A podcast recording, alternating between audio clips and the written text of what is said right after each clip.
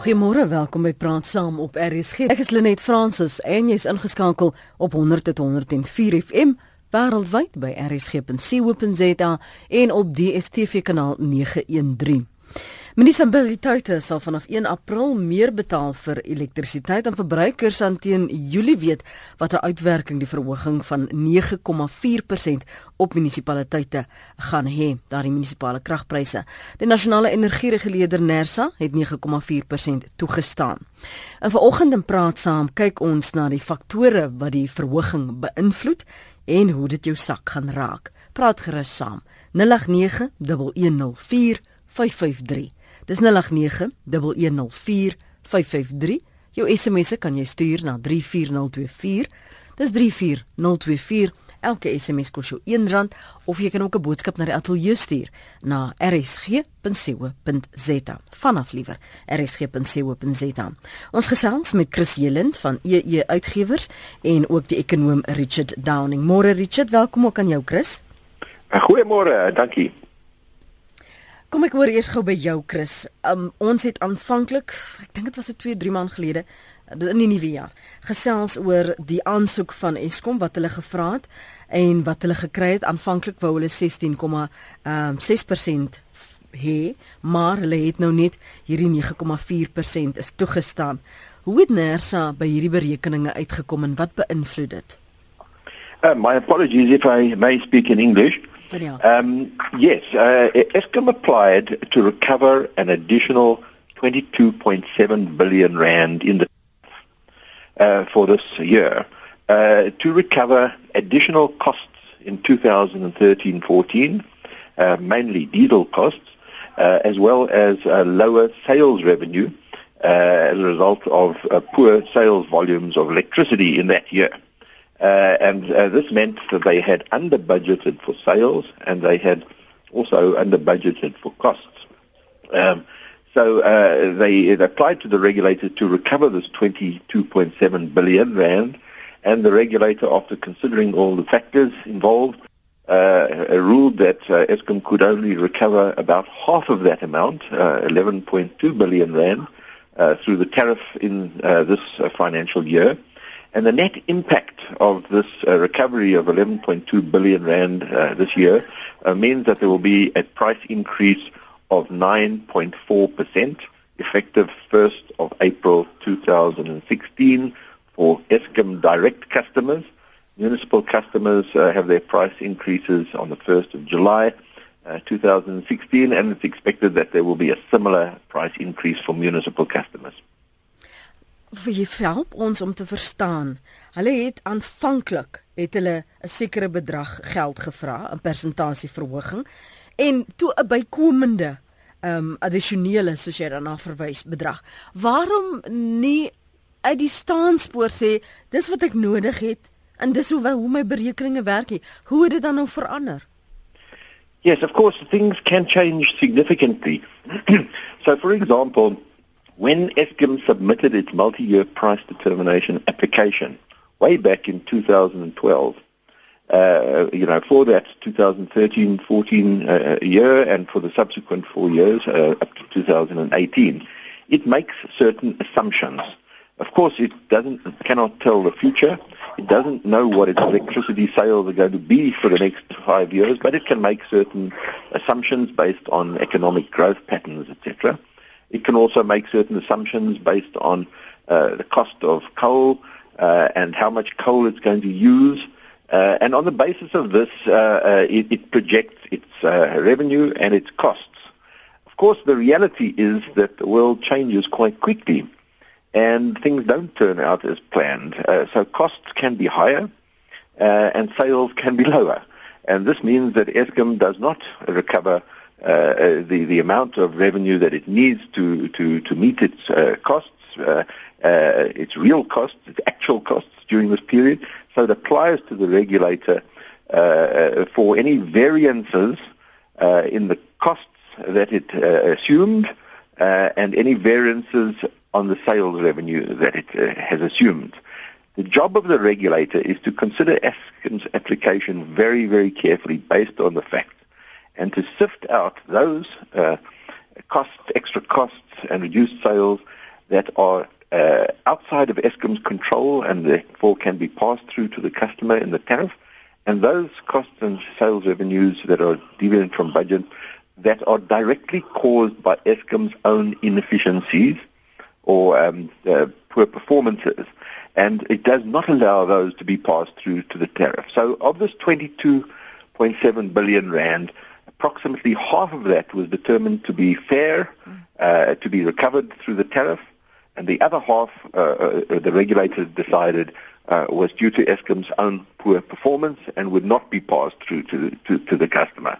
And the net effect, as I say, is a increase this year uh, of uh, 9.4%, which is higher than that what uh, uh, NERSA had determined in its multi-year price determination, and the increase, of course, above what was previously determined uh, is uh, the fact that they are passing through this extra 11.2 billion rand in the tariff, uh, which they have decided was outside of Eskom's control and can justifiably be passed through to the customer. Richard, ek kan nou by jou kom. Ek Fani is op die lyn en hy wil saamgesels van vanaf Beaufort Wes Fani. Môre. Okay, nee, Lenet is Johnny Tenus nie so. Ehm um, Lenet uh, aan jou gaste en aan wie jy ek wil nou net sê in die die landboukrag gaan nou verskriklik duur raak en landbou is mos maak ons daarom die kosmaatjie. Jy moet net onthou ons het eintlik nie 'n probleem met die eenheidskoste uh as sulks van Eskom in landbou nie want jy kan jou produk daarbey aanpas en jy kan jou krag dan bestuur. Maar maar weet jy hierdie kom ons noem maar maar sommer 8%. Hierdie 8% kom nou ook by by 3 heffings wat ons aan Eskom betaal, wat landbou aan Eskom betaal alvorens jy dit is buite die eenheidskoste. Is daar nog 3 heffings wat jy betaal voordat die krag aan jou gelewer word. Nou dit is wat uh, landboukrag verskriklik duur maak. Ons het net gister 'n vergadering gehad oor en jy weet, ehm um, uh, veral vir die besproeiingsboer, maar ook vir elke boer wat krag gebruik, uh wat waarde toevoeg tot sy produk. Hierdie 8% ehm um, bly nie net by die by die eenheidskoste nie. Dit kom ook by die heffing by. En uh jou gaste kan nou verskil met my daarvan, maar Nersa het met hierdie heffings niks te doen nie. En dit is wat dit so moeilik maak. Eskom stel hierdie heffings vas, maar e- Eskom sê nee, Nersa stel hierdie heffings vas. Dis dis van alle waarheid ontbloot. Ek wil dit graag aan die publiek sê, maar hierdie 8% kom by hierdie drie heffings alvorens ons krag kry en dan die heffing by die uh, eenheidskoste en dit is wat landboukrag duur maak en dit is wat vir ons kos baie duur maak. Baie dankie. Dankie uh, Johnny het jy gesê vanaf Tennyson, weet jy waar Fanie is hy? Uh, kan hy ons net gou duidelikheid daaroor kry? Is dit soos Fanie uh, soos uh, Johnny sê, uh, Chris dat Nersa nie verantwoordelik is vir daardie vooraf heffings nie? There are indeed certain uh, charges uh, and levies uh, that are applied to the electricity price that are in fact outside of NERSA's control. Uh, there are not many, uh, but there is one. So, for example, uh, the so-called tax on on on carbon generation. so, there is a certain tax on the generation of electricity from coal and uh, that is added as a levy uh, to the electricity bill, and that is determined by the Treasury uh, because it is a tax, um, and uh, it, it, it, it's a levy that is applied on the electricity generated from coal, and it's added to your bill, and that is not covered uh, by by NERSA's determination. But the other costs, for example, maximum demand costs uh, and other fixed costs uh, that are uh, applied uh, by the electricity supplier are in fact uh, under NERSA's control and uh, uh, are worked into this average price increase of uh, 9.4%. Uh, so uh, there will be an increase in the energy component. There will also be an increase in the demand component, and the overall net effect uh, is a 9.4% increase on the overall price that, uh, uh, or the overall uh, tariff that Eskom charges. Hoe het die verhoging uh, watter invloed liewer op ekonomiese groei Richard? Wel, dit is 'n definitiewe pryseffek en uh jy weet soos nou aangedui is, ek meen uh, dit 'n uh, prys is noodwendig alle pryse wat geadministreer word, het noodwendig 'n uh, effek op die vraag na na sekere goed of diens en uh en ek meen ons in die ekonomiese uh, omgewing praat al van jou pryselastisiteit. Met ander woorde wat jy hier gekry het is omdat pryse styg, gebruik ons minder krag. En as gevolg daarvan sê Eskom jy omdat jy nou minder gebruik jy nog meer betaal. So jy weet, ek dink daai verrekening van daai pryselastisiteit dink ek gedoen. En dit moet mense besef as jy kom met pryse as dit bokant is in terme van wat algemene inflasie is, dan gaan jy 'n effek kry van minder verbruik van jou elektrisiteit. En die en die en die groot probleem is daai minder laer verbruik van elektrisiteit lê meer in intermediêre verbruik. Met ander woorde, die verbruik uh, soos byvoorbeeld by landbou wat ons nou gehoor het, daar gaan jou verbruik al um, al, al uh, soort van negatief op op jou produksie inwerk. So jy kry 'n ketting effek wat in, op eintlik die produksie is maar groei. Dit is dit is wat ons sien, dit is wat die BBP op die uiteinde meet. En dit is waar ons probleem lê. Uh dat op die uiteinde ek dink die elektrisiteitsvoorsiening en selfs net 'n prysverhoging die effek op ekonomiese groei soos hy deurwerk. Behalwe nog die effek dat jy nie miskien die kragvolume lewer wat gelewer moet word nie en dat sekere sektore daaronder ook nog lê, maar dit is eintlik 'n 'n soort van volume effek wat ons onvoldoende voorsiening van krag het. En dit is 'n ander vraagstuk waarmee ons ook nog worstel. Dat ook op die uiteinde terugkom op prys en die effektiwiteit want wat ons nou gehoor is eintlik die finansieringsprobleme is. Eh dit is nou goed om te sê jy dit wil die boeke oefening lyk nou so en dit is waarmee ons op die uiteinde moet sit. Maar daar's ander vraagstukke wat ou moet eintlik teruggaan op en vra eh die invordering van tariewe, die betaling van die elektrisiteit geskied het soos dit moet. Uh uh die die finansiering daarvan probeer ons dit deur tariewe finansier van die verbruikers, huidige verbruikers met allerlei negatiewe effekte op die ekonomie of gebruik ons wel buitelandse uh, uh, kredietbronne, ons gaan leen in die buiteland en ons uh, wend dit oordentlik aan en ons sorg dat daardie sê maar soos by Medupi die hy kragsentrale betyds afgelewer word. Want ons is nou al 4, 5 jaar agter met daai aflewering. Al daai al daai effekte het pryseffekte op die uiteinde maar dit kom neer op oneffektiwiteit. En nou ongelukkig met die verbruiker nou waar staan vir al hierdie soort van probleme wat ervaar word in die in die voorsiening van elektrisiteit. Hmm. Dis is sê van Richard Downing, Marius is op Nigel, Marius môre. Môre net. Ja, ek sou graag wil aansluit by wat Johnny vroeër gesê het. Ehm um, jy weet, ons is ook maar in die landboubedryf. My skoonpa probeer sy bes om 'n paar rand te draai met 'n uh, weet 'n melkery hier buite die dorp. En uh jy weet hierdie hierdie heffings wat Nersa nou goedkeur het natuurlik nou 'n verskriklike weet 'n regtige ernstige impak vir al op 'n melkboer. Ons gebruik nie eintlik die krag om waarde toe te voeg tot ons produk nie. Ons gebruik krag om die produk net eenvoudig beskikbaar te kry. Die probleem wat ons egter het is ons sit in 'n lelike posisie in die sin dat ehm um, jy weet ons kan nie nee sê vir die heffings nie want dan gaan Eskom net eenvoudig ophou funksioneer. Ons kan nie ja sê vir heffings nie want ons kan dit eintlik as wese nie meer bekostig nie, jy weet, op voedselvlak raak dit werklik onbekostigbaar dat 'n mens moet begin kyk hoorie maar as dit die moeite werd om te boer, is dit die moeite werd om in hierdie bedryf te boer en in hierdie land te boer. Ehm um, dit dit dit dit daar regtig in 'n bedryf soos ons waar ons maar klein spelers is in 'n groot mark en met groot korporasies ontmeding, haal dit eintlik maar die kloue van jou af weg. Jy kan glad nie meer kompeteer nie.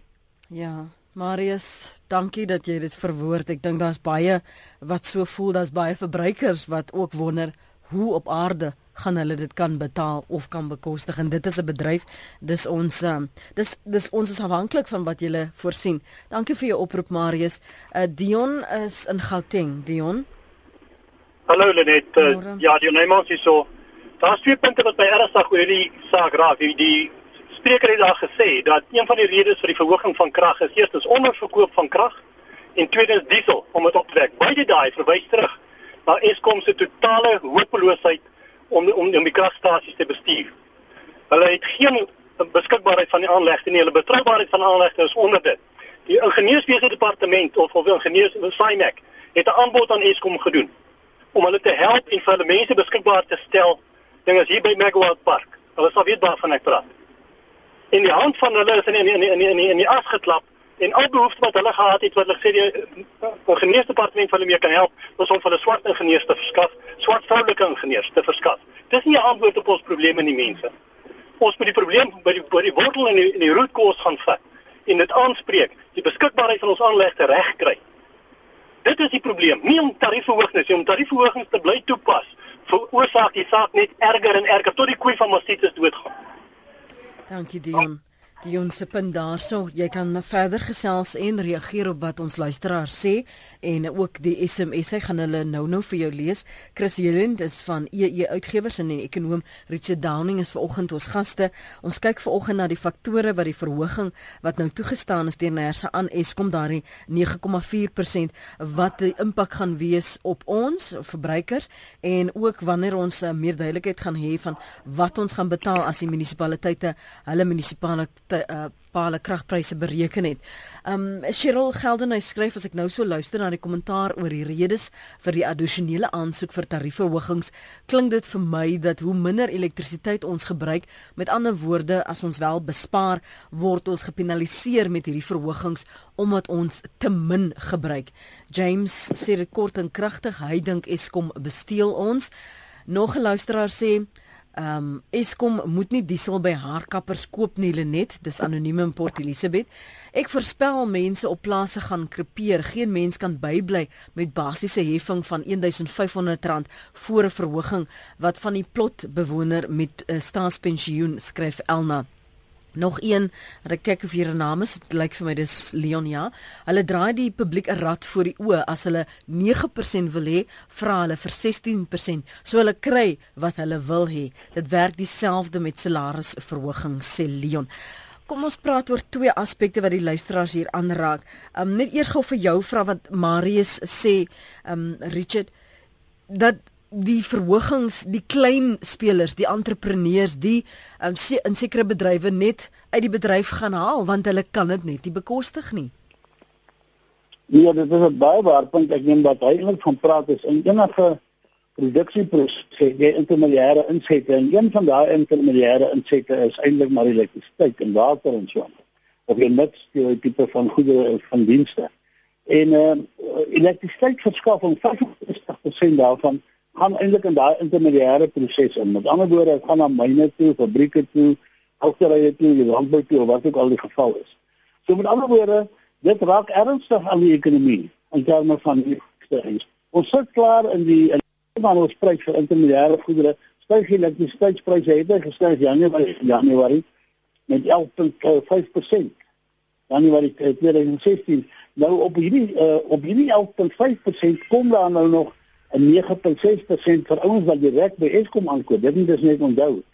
Want die gewone huishoudings wat maar 34% van jou elektrisiteit verbruik is, uh die gewone huishouding betaal dalk nog meer want hierdie elektrisiteit wat Eskom verkoop verkoop by munisipaliteite, die 9.5% verhoging wat hy nou sê, wat het toegestaan het, en dan gaan die munisipaliteit weer en hy sit sy eie verhoging op daai elektrisiteit want dit is hom ook 'n bron van sekere inkomste op daai handelsrekening maak hy dan 'n surplus wat nou dien vir munisipaliteite ook as 'n ekstra inkomste. En ons weet dat daar baie wanbetalings is by munisipaliteite, so jou verbruiker, jou huishoudelike verbruiker is nog erger belas in die sin van hy betaal eintlik vir baie ouens wat nie kan betaal nie of uit armoede of nie wil betaal nie wat die geval ook al is. So 'n mens moet hierso eintlik 'n bietjie weer gaan kyk na hoe Eskom hierdie amper sê te kort as gevolg van wanbetaling finansier. Daai wanbetaling is 'n sosiale vraagstuk. En as jy met so 'n vraagstuk sit, moet eintlik gefinansier word vanaf die algemene owerheid deur belastings en nie deur tariewe nie. Want die elektrisiteitstariewe het ekonomiese effekte op ikre op op die ekonomie daar buite en op ekonomiese groei. En so dit is waar ons probleem lê met waar waarmee veral in, in die sakewêreld gaan sit, is dat daardie verbruik en en en en die koste van daai krag. Word maar net weergegee in in, in na die verbruiker toe of na ander soort van insette vir ander ander soort van uh, produksieprosesse en daar eskaleer eintlik die of 'n menigvuldige effek eintlik baie meer. So op die uiteinde sê jy met inflasie dat dalk sy 'n loop neem wat jy nie graag wil hê nie. Mhm. Ehm Chris drie vra. Eskom uh, skryf uh, Marina op Woester. Hoekom het ons nog nooit gehoor dat daar na Eskom se boeke gekyk word nie? Ek glo niks wat Eskom sê nie, sê Marina op Woester. Was daar al word daar deurlopend gekyk in die dit sluit aan by die een luisteraar wat sê ons word 'n rad voor die oë gedraai. Hulle sê maar net hulle vra vir 18 of 20 of wat ook al, maar hulle soek eintlik 9. Um want dit is eintlik hoe hulle ons rad voor die draai. Nou hoeveel waarheid steek daarin? Het ons al 'n geval gehad waar uh Eskom se boeke nagegaan is om seker te maak dit wat hulle beweer is en word bewys of geniet hulle maar daardie omdat hulle 'n uh, 'n uh, uh, staats uh, semi-staatsorganisasies geniet hulle daardie beskerming en word hulle nie met soveel valkoe daarna gekyk nie. Well, in my view, uh, firstly, um, Eskom's financial statements um, are uh, audited. Uh, they receive a clear audit, uh, and their financial statements are published publicly and are available to anybody that is interested. Uh, so I, uh, whilst there of course can be discrepancies and you know misinformation sometimes in financial statements, they are externally audited uh, and do receive a, a, clear audit. Uh, so I'm not sure that that really has uh, that much validity. On the question of you know Eskom just applying for a, a high increase and, and being satisfied uh, when they get half of that, uh, like a wage negotiation. I think um, the methodology used by the regulator is specifically intended uh, to uh, scrutinize very carefully ESCOM's application. I have a very high level of confidence in the regulator that it uh, follows the correct methodology. It is not just a thumb suck. They look at every single line item of ESCOM's application. They scrutinize it they check the facts, and they either accept it on the basis that it's correct uh, and that it is, these are costs, uh, you know, incurred necessarily and outside of their of Eskom's control, or they reject it. And that's why the, the, the regulator has got a long history um, uh, of uh, regulating and um, and, and reducing Eskom's claim because they, they're doing their job properly, uh, and it's not just uh, uh, a thumbsuck. It's it's a careful process uh, and methodology that they use, and if they do get it wrong, and if they don't apply the methodology correctly, they can be challenged in court. To date, they have never been challenged in court, not by ESCOM, not by the minister, not by anybody in the public. And that gives me a high level of confidence in the integrity and the independence of the NERSA regulatory process. Terug na ons luisteraars, Bende Wet sê as die munisipaliteit hulle Eskom geld oorbetaal aan Eskom, dan sal ek meer betaal. Dis 09:30. Ons kyk vanoggend na die impak wat die verhoging Eskom verhoging op ons sakke het en op ons ekonomie. Jy's welkom om saam te praat op 089 1104553. 089 1104553. SMS na 34024. Elke SMS kos jou R1 en jy kan ook 'n boodskap stuur na die ateljee gaan na rsg.co.za. Voor ons breek, praat ons vinnig met Gideon op Vredendaal. Gideon? Net môre, jammer man, ons moet sien gaan 'n bietjie raas as oes gou drywe. Dis nie. Ehm um, hier's 'n ligpuntjie by hierdie uh abnormale verhoging van Eskom. Die uh, stelsel is jy vir jou vandag gestelsel opgesit het om om Eskom se se krag te vervang deur die dag vir al. Dan het hy so 5 jaar gevat om hom terug te betaal. Met ander woorde, jy het so 20% opbrengs op jou kapitaal gekry. Nou met hierdie volgende verhoging behoort hy nou seker af te kom na 4 jaar toe, so jou opbrengs op jou kapitaal gaan nou 25% wees. Met ander woorde, waar boerdery is hier by 5 in in 'n swak jaar 0 lê en in goeie jare 7% op jou kapitaal, kan 'n mens dan nou jou boerdery los, sit jou sonpanele op en begin verkoop jou krag en waar gaan jy nog 'n belegging hê van 25%? So dit is eintlik 'n goeie ding dat hulle die krag so duur maak. Nou kan ons geld begin maak uit die krag uit en hulle gaan later so min verkoop dat hulle nie meer gaan kompeteer en kan. Dis Gideon se mening sterkte daar met jou bedrywighede Gideon. Ek lees wat skryf Zelda. Ons hier 'n huis op 'n plaas. Ons geyser word net in die aand aangesit. Ek gebruik gas om mee te kook voor ons nog 'n lig aangesit het in die maand. Dan is daar klaar meer as 1000 op ons Eskom rekening. Dis lynkostes, netwerktariewe en so voorts. Eskom weier om 'n prepay meter in te sit want ons kry plaaskrag. Rekening nooit onder 2500 per maand nie en ons is twee in die huis. Hulle steel jou geld, skryf Zelda. Maria sê Eskom se probleem is hulle produktiwiteit is eenvoudig nie standaard praktyk nie. By Kusile is daar voertuie en busse wat honderde mense inry, maar in Middelburg is gereeld dubbelkajuitbakkies met net een drywer. Hulle mors en steel tyd en wend belastingbetalers se geld onproduktief aan.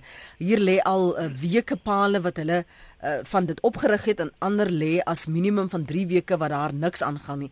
Verder word bonusse uitbetaal en het hulle nerse ingelig oor hoe dit verdeel word of is dit net eie diskresie. Niemand verdien enige bonus nie want Modipe is al 4 jaar agter en dan gebeur ook niks rondom dit nie skryf Maria. Um terug te kom na die openbare sittings wat ons gehad het Chris het dit enigsins 'n impak gehad. Ons het selfs hier 2 maande gelede een luisteraar sê, "Hoekom herhaal ons nie maar net daardie praat saam nie?" Uh, die luisteraar sit op Saldanha by toe hulle al hierdie sittings gehad en gesê maar dit is ons betoe ons, ons dink nie dit is geldig nie word dan na geluister Well of course uh, public hearings are an important part of the democratic process uh, to enable people that may not otherwise uh, have access uh, to these decision-making processes uh, to allow their voice to be heard. In this particular public hearings, there were something like 80 written submissions uh, before the public hearings. Uh, and this was then followed by the public hearings where anybody, uh, you know, is encouraged to come forward. Unfortunately, the process is very formal and I do believe it is intimidating, uh, and that there are many ordinary people uh, that would find it difficult uh, to come forward and stand up in a public forum uh, and and uh, and make their argument. Uh, but this year, something interesting happened, and that is the organisation OUTA, the former ETOLS organisation, has expanded its activities into a wider range of tax abuse uh, issues. And uh, they, um, uh, you know, had a process uh, through their website where they gathered something like 8,000 written comments, which were then submitted to NERSA as part of these uh, public hearings. And, and, then there was also an online petition called Avaz, which gathered something like 50,000 responses, which were presented to, to NERSA. So uh, the answer is uh, that, you know, from formal written submissions through to oral submissions, through to internet uh, website-based submissions, through to petitions, uh, a, a, huge voice of South Africans uh, is, uh, is heard. And yes, I, I think this is an important part of our democratic process. And, and, and, and nurses' job is to, to hear these voices uh, and to uh, finally um, make a ruling uh, based on its methodology, uh, which is somewhat mechanistic, uh, but also has to take into account the fact that nobody is going to thank NERSA if it drives uh, ESCOM into uh, financial problems where the electricity supply is threatened. Uh, so it has a delicate balancing act uh, to play between the interests of electricity customers and the interests of electricity suppliers. So, of course, uh, nobody in the end is happy. ESCOM is complaining that it didn't get what it asked for uh, and that it's going to make its life very difficult. Customers, as we've heard on your, uh, you know, on your program, are complaining about affordability. Uh, and unfortunately, uh, this is the balancing act that the regulator has to play. Pravin Gordon het, het in sy uh, begrotingsrede gesê dat dit enige prysverhoging goedgekeur gaan word as dit werklik nodig is. Is hierdie nodig? Is dit nodig vir ons ekonomie? Is dit nodig vir Eskom se oorlewing? Is dit nodig vir ons wat wat wat beerdkrag wil vermy? Well, I, I, I do think that uh, uh, the way the regulatory process works is that uh, that the regulator has got to allow uh, in through the tariff ESCOM to recover all its efficiently and prudently incurred operating expenses, plus its financing costs, plus a fair return on capital employed. Uh, so, uh, like any business, uh, it needs to generate a return in order to sustain its future activities. And that is the methodology that, that NERSA uses. and, and I do think uh, that whilst Eskom may complain bitterly that it did not get what it's asked for and that this is putting it in a very difficult financial position, I have confidence in, in, in uh, regulatory process that it in fact does allow uh, uh, Eskom, uh, you know, adequate return on investment. But what it does not allow is uh, the pass-through of costs that are not efficiently and prudently incurred uh, and that are under the control of Eskom and that Eskom has messed up. For example, uh, you, you, know, a, a, good portion of Eskom's claim for reduced sales volumes was rejected uh, on the basis that, uh, you know, that part of these reduced sales is Eskom's own fault. In other words, its own generating stations were not able to deliver the electricity needed. Uh, and the costs of diesel, many of these costs of diesel as a result of Eskom's coal-fired power stations, the performance, the availability, they were not available, largely because of poor maintenance, as well as due to the lateness of Medupi and Kusile, which is directly under Eskom's control. And so uh, uh, the regulator puts some pressure on Eskom by disallowing these uh, uh, costs and reduced sales volumes that are caused by Eskom itself. And in this way, it puts financial pressure on Eskom to improve and to perform better in future. So uh, I think, uh, in short, whilst uh, nobody welcomes a 10% increase in electricity prices, I think uh, the regulator had little alternative but and, and has done its homework properly. Goed staf skryf op ons SMS lyn 34024. Eskom het genoeg bekwame swart ingenieurs, maar die probleem is by bestuur. Kry die bestuur reg sodat die ingenieurs hulle werk kan doen. Patton Westernaria, jou bydrae? Goeiemôre Lenet en die gaste. Uh lank terug, 'n hele paar jaar terug, was die Midmaardam ek vergelyk hierdie dieselfde as uh as Eskom Baie jare terug was die Midmaardam 17% vol. Dit het Durban voorsien. Om mense te ontmoedig om kragte om die water te gebruik, het hulle die pryse belaglik opgestoot om mense minder water te gebruik. Dis nou dieselfde wat Eskom nou doen.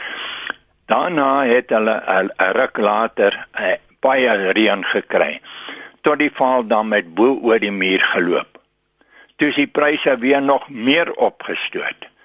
En toe die mense vra hoekom is die pryse nou meer? Toe sê die watermense Nee, daai tyd het ons min gehad, julle moes meer betaal om nie te gebruik. Maar nou het ons meer as genoeg, maar nou moet ons al daai ekstra water met chemikale en alles treat dat die prys nou weer belaglik opgaan omdat ons te veel het. Ek sien hierdie ding kom wanneer die nuwe kragstasies, die ou nuwe kragstasies op in werking kom, gaan daai pryse weer belaglik opgaan omdat ons nou meer krag moet voorsien wat mense nou nie gebruik nie. Lenet, ek het met daai laaste inbel van Eskom het ek ingebel Ek gaan dit nie weer herhaal, maar ek het gekwote die Newsweek boek van April die die uh 18 uh, 186 issue van April 2015. Die belaglike pryse wat Eskom betaal vir diesel wat totaal oor die kop gaan. Dis al wat ek wil sê net. Dankie vir jou bydrae Pat en Marcel, môre. Môre net. Daar is een vraag wat ek wil weet. Al hierdie munisipaliteite wat soveel miljarde aan Eskom skuld. As daardie munisipaliteite gedwing word op enige manier hoegenaamd mm. Eskom te betaal, dan gaan hierdie verhogings ons nie nodig wees nie. Kom ons Want wat wat wat maak die munisipaliteite met die saak dat dit nie oorbetaal word aan Eskom? Mhm. Mm Kom ek hoor wat sê Chris daaroor. Ehm um, Marcel, dankie. Wat, sal dit ons las verlig indien hulle gedwing word om die skuld wat hulle het en as biljoene wat hulle skuld. En jy sal dit weet Chris, sal dit ons las verlig? Yes, it certainly would. It would certainly help Eskom's cash flow problems if it could recover you know, the, the, the many billions of rands that are owed to it uh, by municipalities. Uh, but uh, I must stress that this is not just a municipal problem, as some people think. Uh, you see, for example, in Soweto, uh, Eskom is the supplier, the direct supplier of electricity in Soweto. It does not supply it through a municipality. And the debt problem in Soweto, the, the level of non-payment in Soweto is sitting at about 9 billion rand at the moment, which is bigger than all the defaulting municipalities put together.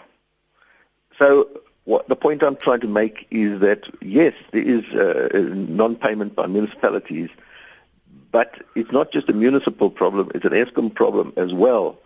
ESCOM often paint the municipalities as the bad guys, but the reality is their own performance as a direct supplier in many areas of South Africa, such as Soweto, is far worse than the performance of municipalities. So, uh, but in answer to the question, yes, if they could collect all the money that is outstanding and owing to them, uh, we might not need a, a price increase at all. Gegee die ekonomiese vooruitsigte vir ons land, is dit regverdig? Is dit maak dit sin vir jou as ekonom? Richard Asai sê Pravin Gordhan sê net prysverhogings van enige aard binne watter sektor ook al indien dit nodig is. Het ons ekonomie daardie aanpassings nie juis nou nodig nie. Net ja, ek dink uh, wat nou nog nie bespreek is die is die is die feit dat eh uh, hierdie die vraag openbare sektors eh uh, samewerking of eintlik finansiering. Ons noem dit ons wil graag aan noem privatisering. As 'n mens 'n maatstaf kan kry van 'n ding wat uh, 'n uh, uh, kragstasie wat bestuur bedryf word op gesonde vrye uh, besigheid begin teenoor een wat deur die staat bedryf word. Ek dink dan gaan ons al klaar 'n groot verskil begin sien. Dat die bestuur van Eskom ook tot 'n mate gebruik maak van privaat kapitaal en dat privaat kapitaal inkom om ook te help in daai finansiering. Dis al 'n oplossing. Tariewe is nie 'n oplossing. Tariewe gaan net ernstige ekonomiese gevolge hê wat nog wat nog verder gaan uitkry. En dan moet ons net onthou, ouditverslag is maar net 'n reëlmatigheidsverslag. Dit sê net vir jou of elke debiet is daar krediet.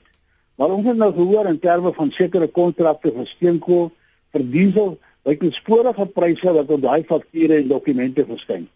En dit is waar die vraagstukke lê. Tot 'n mate ook korrupsie wat dalk teen en ingesluit het by party van hierdie prysvasstellings. En dit moet die verbruiker nou voorbetaal. So daar is heelwat aspekte wat aandag kan geniet. En ek dink privatisering, 'n mens kan nie die netwerk privatiseer nie, maar as definitiewe behoefte om sekere komponente en maniere van elektrisiteit vir uh, verskaffing en opwekking te privatiseer en te sorg dat dit ten minste effektief uh, aan die uh, uh, aangewend word want die private sektor kan nie bekostig om pryse deur te gee wat ons nie kan bekostig nie. Hy gaan dit nie maak nie. So op die uiteinde is dit die antwoord waarna ons sal streef en ons sal die twee woorde wat 'n vloekwoord geword het met ernstig na kyk. En ek dink die minister van finansies wat net bietjie versigtig om dit te gebruik Maar dis op die uiteinde waarna ons gaan bevind, dan gaan ons baie van hierdie probleme dalk kan aanspreek. So die voorstel is dat ons vennote moet kry om nie net uh, vir Eskom nie maar al die ander uh, soos Transnet en al die ander maatskappye uh, SAL byvoorbeeld in vennootskappe moet gaan met privaat uh, uh, maatskappye hier om dan die die die uiteinde die die die verhoging wat ons moet betaal of die kostes wat ons moet om dit te help ligter maak dat dit die enigste is dit die enigste ekonomiese oplossing? Wel die groot oplossing is natuurlik effektiwiteit. Ek meen dit gaan of jy nou openbare sektor is of private sektor, dit maak nie werklik saak nie, maar ons moet definitief kyk na die private sektor inkry op hierdie op hierdie soort van uh, verskaffing van sekere dienste en om seker te maak dat ons kapitaal eintlik aangewend word en dan nog 'n opbrengs ook op kapitaal want die private sektor gaan nie inkom daar as daar nie 'n opbrengs op daai kapitaal is nie. En ek is seker daar kan wees as 'n mens allerhande soort van uh, afsyfering van soort van winste en na uh, vriende en die tipe van dinge kan stopsit. Dit sorg dat mense betaal vir elektrisiteit en die wat nou nie kan betaal nie wat uit armoede of so 'n moeilike posisie sal staan, werklik daar help om daai mense te help finansier. Maar ons net aan onthou, ou kan nie iets gebruik as daar nie 'n werklike prys is daarvoor wat jy betaal nie. Want dan dit veroorsaak ook dat jy effektief gebruik en van 'n soort van nie 'n mors met daai soort van hulpbron. So ons daar is baie dinge om te wat dit gespreek is waar ons definitief sal na moet kyk en ek sou sê om die private sektor in te kry op sekere aspekte van kragvoorsiening, ook watervoorsiening. Uh is baie belangrik in alle alles wat van openbare sektor instellings van die SAL af tot by party wat nou kan ons goed doen, sal ons moet gaan kyk hoekom doen hulle goed en daar is soort van lesse te leer daaruit. Ek dink dit is baie belangrik om ons ons by die punt waar dit dringend noodsaaklik geword het om weer die mense maar finansies het nie ruimte gehad in sy begroting nie.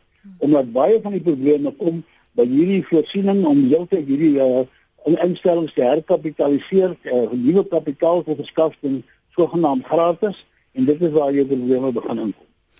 Basie van Klerksdorp skryf hierso Richard, ek hier al 'n blyplek van 18 jaar af.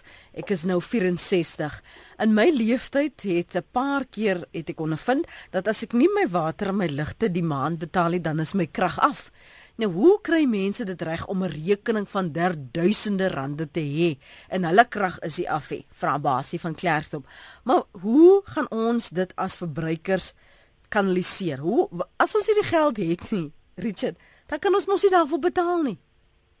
Wel, dit is presies so en as 'n mens, 'n mens moet net uh, onthou, mens kan nie ook beloftes maak om te sê ons het nou almal van krag voorsien, maar op die uiteindelik kan jy die dit nie bekostig. En ek dink dis die dilemma waarmee ons sit op baie aspekte. 'n Mens kan dus volg daarmee en nou wel sekere dienste van almal uitgebrei. Maar ons weet nou dat ons geland in 'n situasie waar dit lyk vir my ons in 'n uh, gekom het by 'n punt waar is nie eintlik hierdie goed kan bekostig nie en hierdie openbare sektor instellings is so in die kruip wat hulle finansies betref dat hulle nou hierdie uh, buitengewone verhogings moet gee om eintlik uit hulle verknorsing uit te kom en ons weet nie kan dit nie dra nie. So ons moet weer fundamenteel moet gaan kyk na kan ons al hierdie beloftes maak wat ons gesê het? En as ons beloftes maak kan ons dit finansier. En dit is die vraagstuk waarvoor ons nou ernstig moet oor nadink en oplossings probeer kry in die eerste plek daarvoor en dan kan ons verder gaan om te sorg dat ons effektiwiteit het en dat die regte mense betrek word by die voorsiening van elektrisiteit en al van ander soort van uh, dienste wat die staat verskaf. Dankie vir daardie uh, opsomming van jou kant af. Ons gaan nou, nou terugkom na Chris Jelit en vir hom vra wat uh, sy verklaring is vir wat die pad vorentoe vir ons inhou. Dankie vir die aanhou Markus, ons luister. Baie dankie Lenet, um, ook, ook vir die geleentheid. Ek wil net vanaf drie punte wat nogal belangrik is vir gemeenskappe tydens hierdie uh begrotingsprojek of uh, begrotingstydperk waar munisipaliteite in beweeg. Ehm um, ek ek is van Afriforum of van hoof van plaaslike regering en die eerste punt was dat die gemeenskappe hoef nie te wag tot en met 1 Julie om uit te vind wat hulle munisipale tariewe gaan wees nie. Mm -hmm. Daai proses het nou al begin ehm um, en ons takke landwyd is besig om met 'n projek sodat ons insette kan gee wat die tariefverhogings gaan wees vanuit die gemeenskap uit dat dit in ag geneem kan word voordat daardie tariewe dan nou wel vasgemaak word en in werking tree 1 Julie. So dit is die eerste belangrike punt. Die tweede ding wat ek wil noem is daai GOP geïntegreerde ontwikkelingsplan van munisipaliteite moet aandui hoe hulle die elektrifisering van gemeenskappe gaan hanteer en die begroting daarvolgens vasstel. Ehm um, daar moet ook 'n insig gegee word deur die gemeenskappe en ons help uh, ons takke in die dorp om hierdie goed behoorlik te doen om seker te maak on, onbillike tariewe word dan nie gehef uit um, uit uiteindelik wanneer die raad daardie uh, tariewe goedkeur nie. Mm. En dan laastens weet ek Chris Jyland uh is ook is ook bewus van die die hofsaak wat Afriforum en Afrisaake tans het met Eskom met die gelde van munisipaliteite. Hulle kan nie die die enverbruiker verantwoordelik hou vir gelde wat munisipaliteite skuld nie. Ehm um, en daardie beslissing behoort ons voor die einde van die jaar uitgeklaar te kry met 'n verklarende bevel en 'n interdik om te verhoed dat die munisipaliteit verantwoordelik gehou word. Daar's ander remedies beskikbaar om daai gelde in te win deur die deur die, die staat dit is twee staatsliggame wat 'n dispuut het en dit het nie enigiets uit uit te maak met 'n betalende en verbruiker nie. Mm, maar nou, nou gou verwysend na die die die beslissing daar, hoe gaan watter impak het dit op die verbruiker spesifiek veral nou met hierdie uh, aanpassings? Wel dit sal vir ons reg duidelikheid gee rondom kan Eskom 'n en verbruiker wat geen kontraktuele verhouding het met uh, Eskom en die munisipale verhouding uh, om om geld te betaal vir daai dienste wat Eskom aan die munisipaliteit gelewer het nie. Um om daai reg op te klaar sodat Eskom nie die verbruiker straf uh, vir 8 ure in 'n dag waar die munisipaliteit deur swak bestuur nalatig is vir gelde wat nie hmm. betaal is nie. So wanneer hulle verhaalde dan van ons deur die tariewe wat hulle dan op hulle munisipale kragpryse sit te verhoog om daardie uh korting uh, op te maak. Ja natuurlik hierdie munisipaliteit het ook toegang na die hulle equitable shares van nasionale tesourier af Daardie gelde weet ons word nie korrek aangewend nie. En dit is biljoene rande wat daar wat daar gemors word wat tot Eskom se beskikking kan wees is hulle ooreenkoms met die nasionale tesourier en munisipaliteite die ehm uh, die, die, die ministerie van ehm um, uh, gesamewerkende regering om daai geld dan nou vir Eskom te betaal eerder wat ons ons gemeenskappe en besighede gaan straf rondom die wanbetaling van munisipaliteite. Dankie Marcus, dankie vir daardie drie punte van jou. 'n Opsomming van jou voor ek jou groet Chris. Uh, yes, um, I would say we've got to look uh, at the road ahead. And I think uh, you've heard from your listeners, uh, and I think we all know that we've reached the limits of affordability of electricity, not just at the domestic consumer level, but also commerce, business, and industry, and mining, etc. We've got to break out of this cycle of increasing prices, causing reduced sales volumes, resulting in further increased uh, prices and further decreased volumes. We've got to stop putting up the price. We've got to look to other sources of finance.